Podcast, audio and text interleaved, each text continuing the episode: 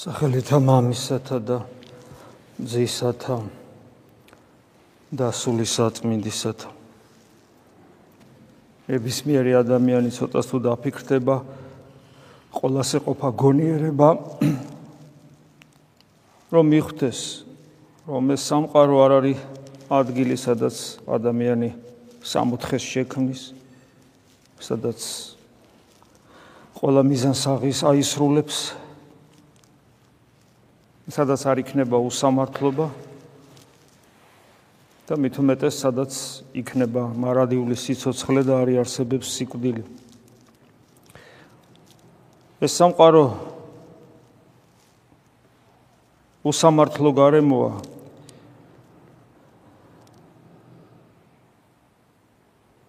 და ერთ-ერთი მიზეზი ამისი, რა თქმა უნდა, მრავალია ამის მიზეზი, მაგრამ ერთ-ერთი მიზეზი ის არის, რომ ყოველს თავის სიმართლე აქვს.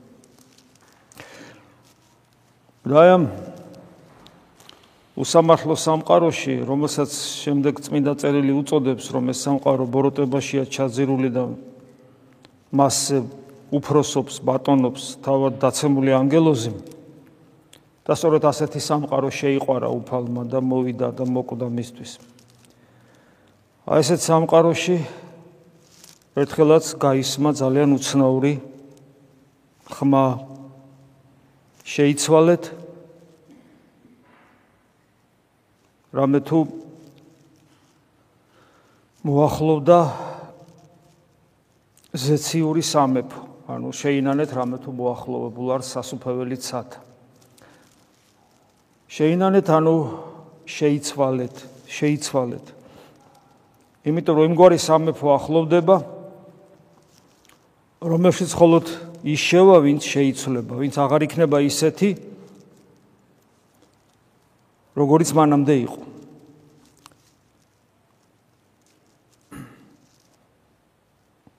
აი ამ სიტყვების მერე ამ სიტყვების მერე ჩვენ თეორიულად ვიცით რაც ხდება. მოდის განკაცებული ღმერთი და იგივეს ამბობს. შეიძლება ითქვას, რომ პირველი მოციქული ქრონოლოგიურად არა თანხwebdriver არ არის თანხwebdriverში თითქოს, მაგრამ პირველი მოციქული ქრისტესი, რომელიც ქრისტეს სიტყვებს ახმოვანებს ქრისტემდე და ადამიანებს მოუწოდებს ქრისტესთან მივიდნენ, არის იოანე ნათლისმცემელი. ეს არ არის შემთხვევითი, იმიტომ რომ ეს ქრონოლოგიური წინსწრებაც იმიტომ რომ შეუძლებელია ადამიანმა დაინახოს ქრისტე შეუძლებელია ადამიანს მოუნდეს ქრისტე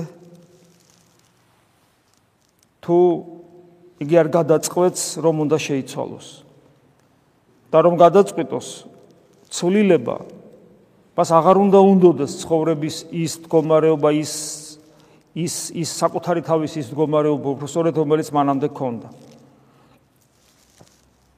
მან უნდა დაინახოს რომ ის უსამართლობა, ის გაუტანლობა, ის უბედურება, ის ერთგვარი უაზრობაც, ბოროტება, სიკვდილიც ყველაფერი მასშია, ეს მის გარეთ კი არ არის.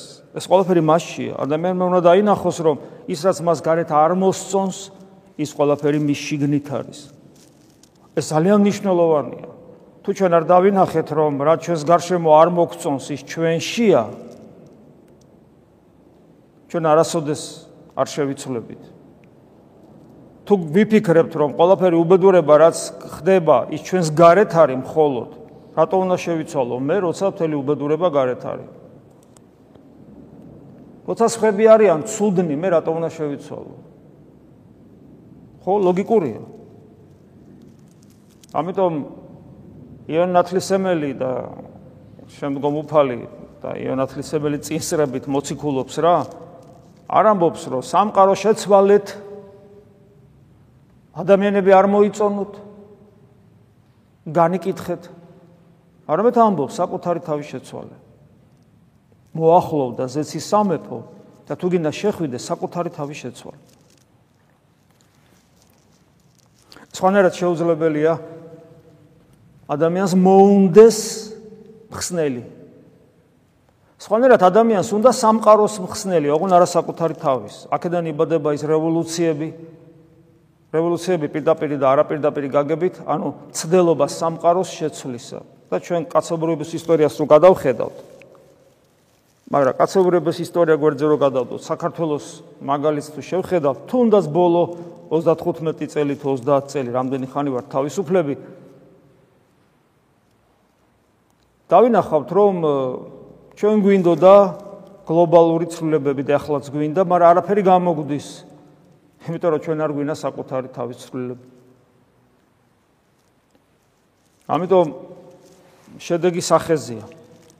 მithumetes იმ ერებისათვის, ვინც პასუხისგებლობითა დატვირთული, რამე თუ ჩვენმა წინაპრებმა იესო ქრისტე მიიღეს და მისთვის კვდებოდნენ. შეგვინარჩუნეს წმენა სარწმუნოების შესაბამის კულტურასთან ერთად. ამას ქვია ქართველობა და არა რაღაც გაურკვეველ პოლიტიკურ წარმონაქმს რომელიც გვინა გადავარჩინოთ ქრისტეს გარეშე და არ გამოგვდის არაფერი უკვე დიდი ხანია. არ გამოგვდის. როგორც 1918 წელს გათავისუფლდა საქართველოს цаრისტული რუსეთისგან და დაიწყო აღშენებლობა იდეალური დემოკრატიული მანამდე არ არსებული იმგვარად კარგი, რომ მანამდე არ არსებობდა კარგი საქართველოს. გამოვიდა რამე? არ გამოვიდა. რატო? მოიცალეს პირველი ერთ-ერთი პირველი საქმიანობა რაც იყო მაშინდელი ხელისუფლების დაეტაკნენ ეკლესიას და დაუწყეს ბრძოლა ეკლესიას. ხომ არ გეცნობათ დღესაც? რამდენი წელია ხო თავისუფლები ვართ? ხომ არ გეცნობათ ეს ეს ეს ხედვა როგორ როგორ როგორ იბრძვის გამწარებული ქართული საზოგადოება ეკლესიის წინააღმდეგ? თუმცა სამართლიანობისათვის უნდა ითქვას, რომ არ ჩვენ ვაკლებთ თავად ეკლესიის წევრნი საკუთარი დედის ლანძღვაგინებას, ანუ ეკლესიის და მასთან ბრძოლას. ასე რომ ბერიცა და ერიც ერთად შევიკრიბეთ და ვებრძვით ეკლესიას, ქრისტეს მისტიურ სხეულს, რომლის გარეშეც არც ჩვენ გადარჩებით ინდივიდუალურ დონეზე და არც ჩვენი სამშობლო არ გადარჩება. თუ არა და აგერ მაგალითი გვაქვს უკანასკნელი პერიოდის, წინა პერიოდის, იმის წინა პერიოდის, ბოლო 4 საუკუნის. ხო იცით?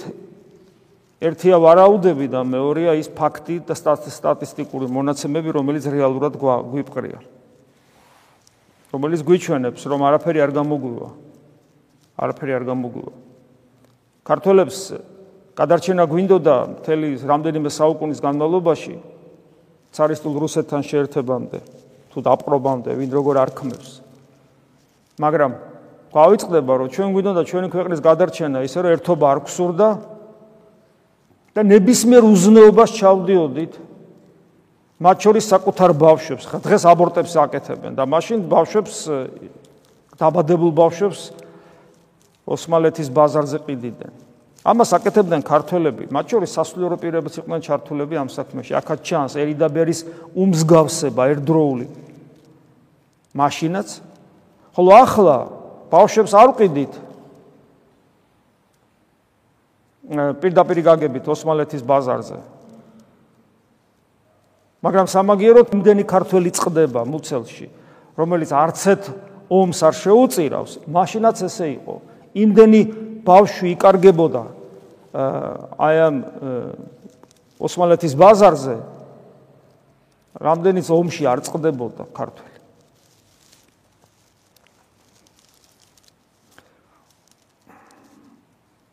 ასე რომ ეს ნიშნავს იმას უფრო სწორედ რომ ჩვენ ვერ გავიგეთ ქრისტეს მოწოდება და ის რომ თქვა თავის დროზე ანდრია პიროწოდებულმა განგვარნათლა და შემდეგ წმინდანინამ საბოლოოდ.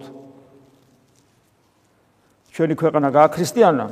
ეს არ ნიშნავს იმას რომ ჩვენში მოციქულებრივი ღვაწლი საჭირო აღარ არის და მისიონერობა აღარაა საჭირო. მე მგონი ყოველთვის იყო მისიონერობა საჭირო საქართველოსში, თითქმის ყოველთვის, მოდი ასე ვთქვა, ყოველ შემთხვევაში იმ პერიოდებზე, იმ პერიოდებში ნამდვილად იყო საჭირო და ახლაც როცა ჩვენ რომელშიც ჩვენ ვიმყოფებით და რომელზეც ჩვენ საუბრობდით, და დღეს ფაქტობრივად შეიძლება ითქვას ჩვენ თავიდან გასაქრისტიანებელი ერი ვართ ისევ. იმიტომ რომ ჩვენ ვერ ხვდებით რას ნიშნავს იყო ქრისტიანი ერი. ამიტომ მოციქულებრივი ღვაწლი და მისიონერობა ეს ერთ-ერთი უპირველესი დანიშნულება ისედაც იყო ყოველთვის ეკლესიის. ახლა მით უმეტეს.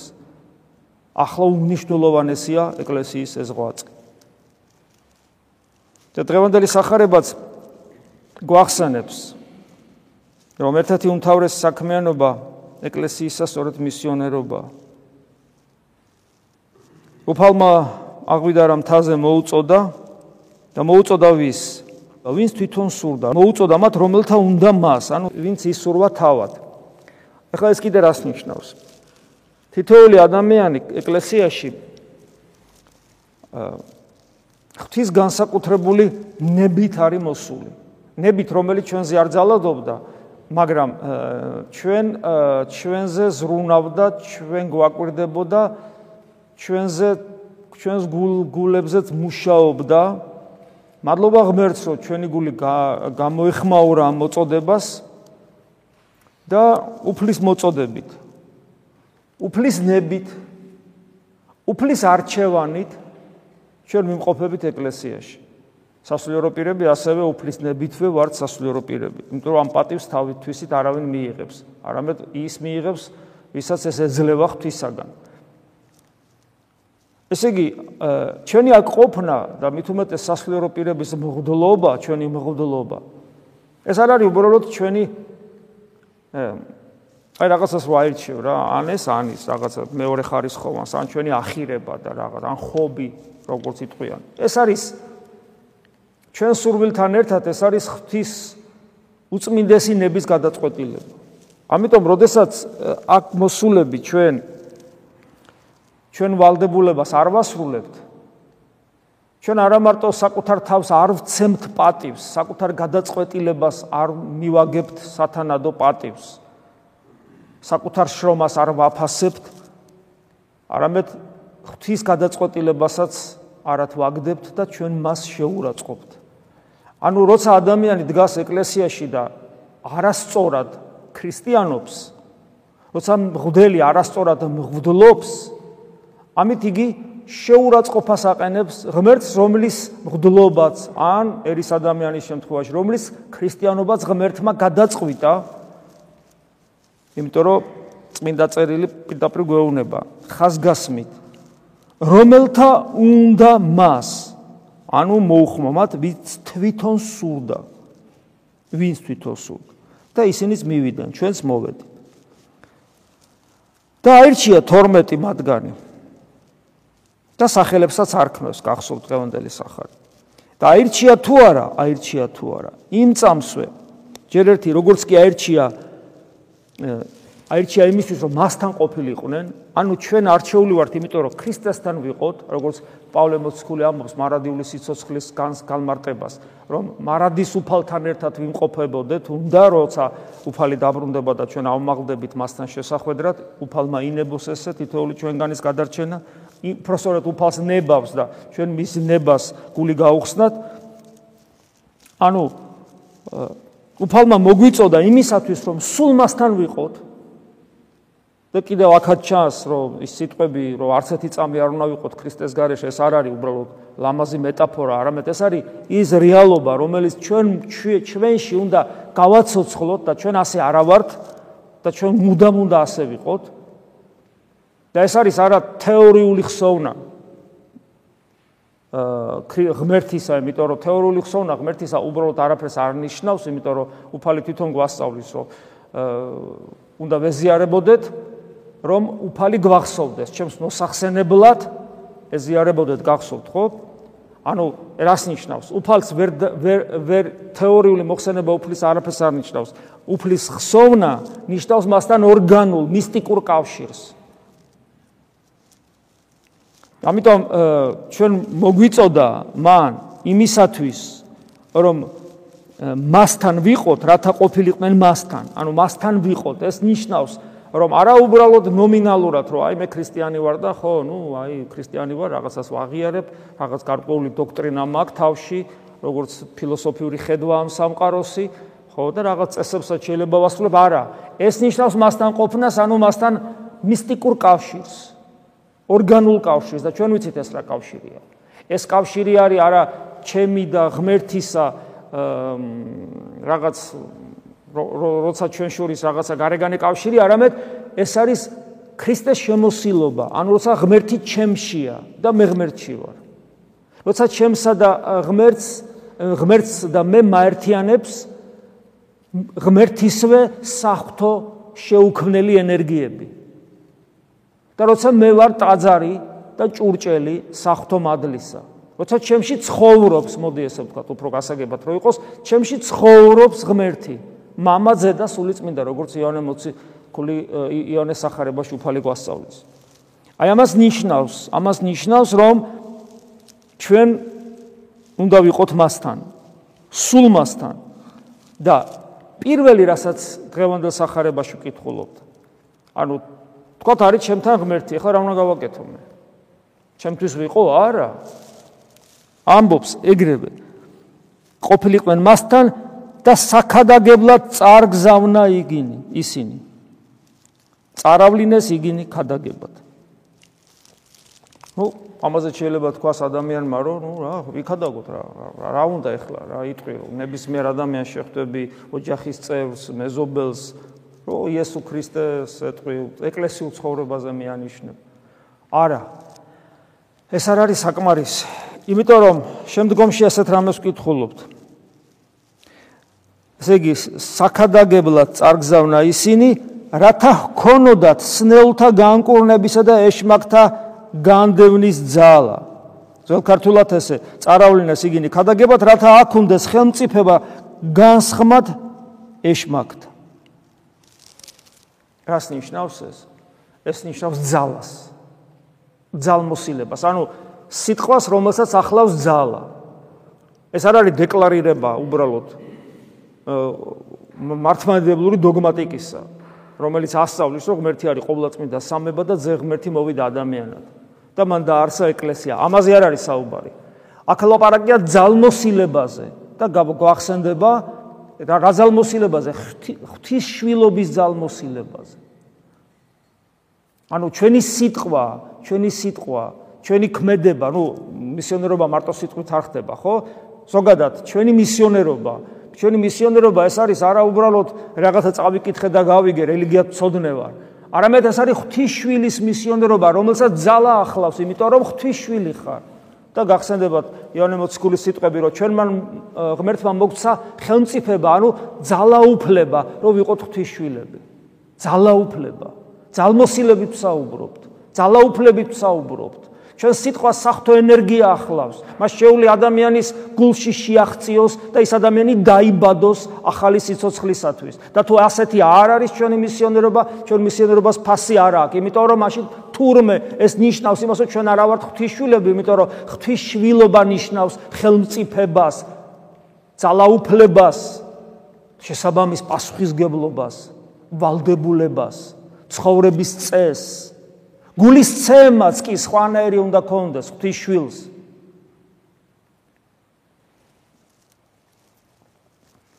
ასე რომ ჩვენ ვაღრესად დატურთული ვართ მისიონერული ვალდებულებით რა თქმა უნდა მაგალითს ჩვენ უნდა ვიძლეოდეთ სასულიერო პირები მაგრამ ერის ადამიანი ვალდებული ერის ადამიანი აქედან რო გადის მას უნდა ეშინოდეს. არა ღვთის შვილობის გამოვლინებებისა.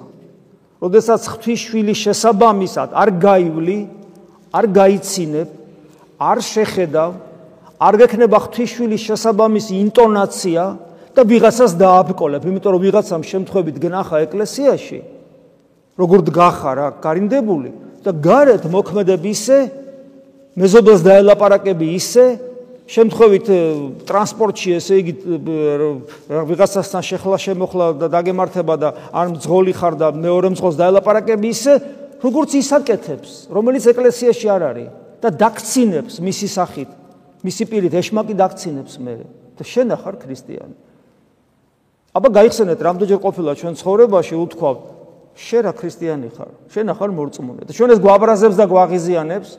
შეიძლება ადამიანური სამართლიანობის თვალსაზრისით სამართლიანათაც გვაბრაზებს და გვაღიზიანებს, მაგრამ სიღრმისეულად თუ შეხედავ, ისინი მართლები არიან.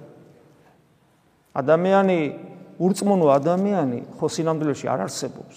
ყველა ადამიანს ხო უყვარს სიცოცხლე, ამაზე ადრეს გითხარით.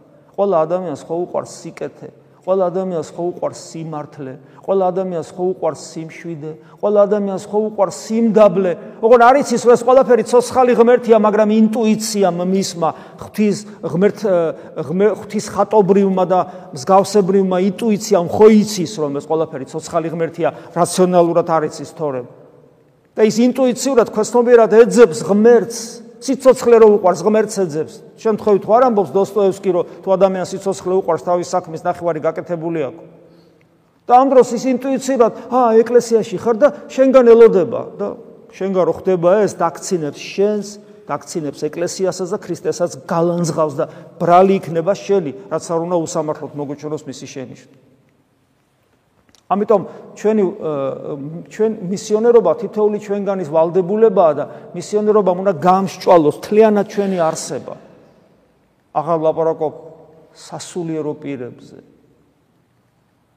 ერთხელ მახსოვს ერთი ადამიანი იყო ეცხოთიდან ქართველი პატრიარქთან შეიყვანეს და რა ვიცი რაღაცა მგდლობა მინდაო თუ რაღაცა ესე. ნუ ახლა ამ მნიშვნელობა არ აქვს იმას რა უნდა და არაფერი აღარ უნდა და იმას ქრისტიანობაც არ მოუნდა ბოლოს, მაგრამ პატრიარქს უთხრა მგდლობა მინდაო და პატრიარქი გაჩუმდა და ამბობს მგდლობა ეს არის ცხოვრება სხვებისთვის. ანუ აღდელი საკუთარი თავისთვის არ ცხოვრობს. მე მესმის ეს არც ისე ადვილია, მით უმეტეს უამრავი ადამიანი სწავლობს აქ და ან დაამთავრეს და ფიქრობენ მგლობას, მაგრამ ეს ნამდვილად ესეა და თუ ახალი მღვდელი ამას ვერ აცნობიერებს, მაგრამ თუ მას სულის ცხონება უნდა, ღმერთი მაინც მიიყვანს იმ წერტილამდე, რომ ერთხელაც მისთვის საკუთარი პირადი ცხოვრება დაიხურება საერთოდ. უпроსორ პირადი ცხოვრება ეგოისტური გაგებით, თორე პირადი ცხოვრება არ არის, პირადი ბედნიერება არ არის, როცა ცხონდები, მაგრამ აი იმ გაგებით, საერო გაგებით დაიხურება ერთხელაც იქნება მისთვის. მაგრამ ეს ეგოისტური ბუნებისათვის საშინელი დისკომფორტია, საშინელი. იმიტომ რომ აი აქეთკენ მიყავხარ, თუ ცდილო პატიოსნად იმღდელო, აქეთკენ მიყავხარ, მიყავხარ, შენ არ ემორჩილები, ფაფხურობ, განსასწრებელი მოდის და აი ნელა-ნელა ეს გაიწნეხები, აი აი ვიწრო და ეკლიან გზაზე დაიწყებს სიარულს, რომ მე ვიწრო კარიბჭეში შეხვიდე. აი ეს როგორც აკლემი ნემსის ყურძში ისე უნდა გაძვრე. ეს არის ძალიან რთული. ამიტომაც ამბობს ოქროპირი, რომ ჯოჯოხეთი სავსეაო მღვდლებით. ოდა მე ვკითხულობ ამ სიტყვებს ეს არხენად გავატარებ ხოლმე. და ამის დრო არ არხენად გავატარო, როდესაც ამას ამბობს ამხელა დიდი мама. ამიტომ მისიონერობა ეს არის ჩვენი ვალდებულება. და უპირველეს ყოვლისა ეს არის რა თქმა უნდა სასულიერო პირების ვალდებულება. და ჩვენ ხშირად ტექნიკურათაც რო შევხედოთ ამ საქმეს, საქმის თვალსაზრისითაც რო შევხედოთ, ძალიან ხშირად არასწორად გვესმის მისიონერობის არსი. აი ერთ-ერთი მაგალითი, მაგალითად, ყოველას გაგვიგია სიტყვა ეკლესიურობა. თავისთავად ამ სიტყვაში ცუდი რამე კი არ არის. ეკლესიურობა ნიშნავს ქრისტეს მისტიკური სხეულის ორგანული ნაწილი რო ხარ. მაგრამ ნახეთ როგორ არის ტრანსფორმირებული თუ დეფორმირებული, უბრალოდ გადაგვარებული ეს ტერმინი. ადამიანმა შეიძლება მრავალი წელი, მათ შორის ათეული წლები იცხოვროს ეკლესიურად ისე, რომ არიწოდეს აქ ქრისტეს არის.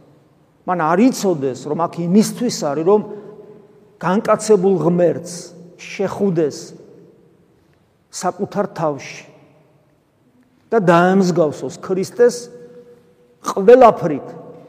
ყველაფრით დაემსგავსოს, გარეგნობას არ გულისხმობ თავის თავად ცხადია. სიმშვიდით, სიმდაბლით, გულმოწყალებით, მოყვასისადმი დამოკიდებულებით, გონებით, აზროვნებით, გზნობებით, ემოციებით სიტყვითაც კი დაემსგავსოს იესო ქრისტეს და მისი საქმე აგრძელოს და აკეთოს როგორც მოწაფე. და ეს გარეგანი რიტუალური მხარე ჩვენ ისე ძლიერად წამოვწიეთ წინ. ამას შეიძლება გარკვეულო ჩვენი ბრალიც არის სასულიერო პირების. რა აბა არ წამოვწიოთ ღვთისახურება არ გქონდეს. როგორ არ უნდა გქონდეს? ღვთისახურებას უნდა გქონდეს და ყველაფერი მაგრამ რისთვის არის ეს ყველაფერი. რა ფასი აქვს ღვთისახურებას? თუ ადამიანი ეზიარება აი რაც ხშირად არის ეს მანკიერი მხარე ადამიანი ეზიარება და არ იცის რა ქნას მერე. ღვთის მადლი ახარებს ეს უკეთეს შემთხვევაში. და ამ სიხარულს აში გამოვხატავთ ხოლმე. ვიწყებთ სიცილ კისკის და ლაპარაკს. არ ვიცით რა გავაკეთოთ ხოლმე ზიარების მერე. ზიარების მერე უნდა ვისწავლოთ მაგრამ ამას უშუალოდ აქ აქაც ისწავლება ეს მაგრამ ეს ისწავლება როცა თქვენ სახში ლოცულობთ. ზიარების მერე უნდა ვისწავლოთ გარინდება საკუთარ თავში ლოცვითი განწყობით, მაგრამ ამას თუ სალკი არ სწავლობთ გონების მიერ ლოცვას, აქ არაფერი არ გამოგივათ. ადამიანს არ უნდა კონდეს მოთხოვნილება ზიარების მერე საკუთარი თავიდან გამოვიდეს. ცოტა ხანი მაინც, ეხლა გასაგებია რომ აქ ამის საშუალება ესე არ არის. ცოტა ხანი მაინც. ხუთი წუთი მაინც ისწავლოს ადამიანმა საკუთარ თავში განინდება. რომ შეინარჩუნოს მადლი და ხელიდან არ გაუშვას.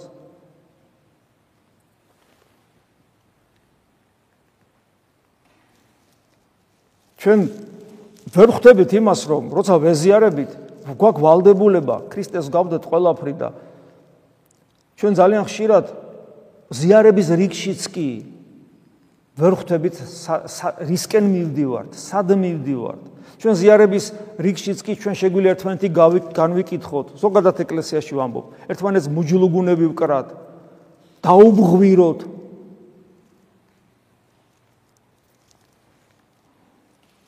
შედეგი სახეზია, წლები გადის და არაფერი არ იცვლება. ასე რომ თუ ჩვენ გვინდა რომ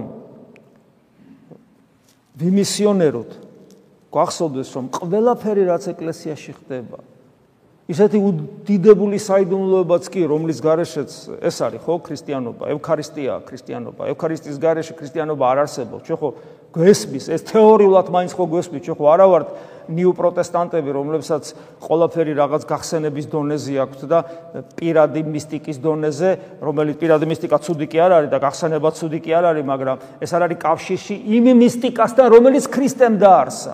აი კაცრა საოცრება ადამიანი ხო აი ქრისტიანობას ჩემულობენ და ესე იგი ქრისტეს მისტიკა, ქრისტეს მოტანილი საიდუმლოება გვერდზე გაწიეს და დატოვეს холод პირადი.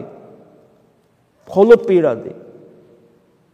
ავიწყდებათ რა რომ პირადი მისტიკის garaშე ათეისტიც არ არსებობს, ყველას აქვს თავის პირადი მისტიკა.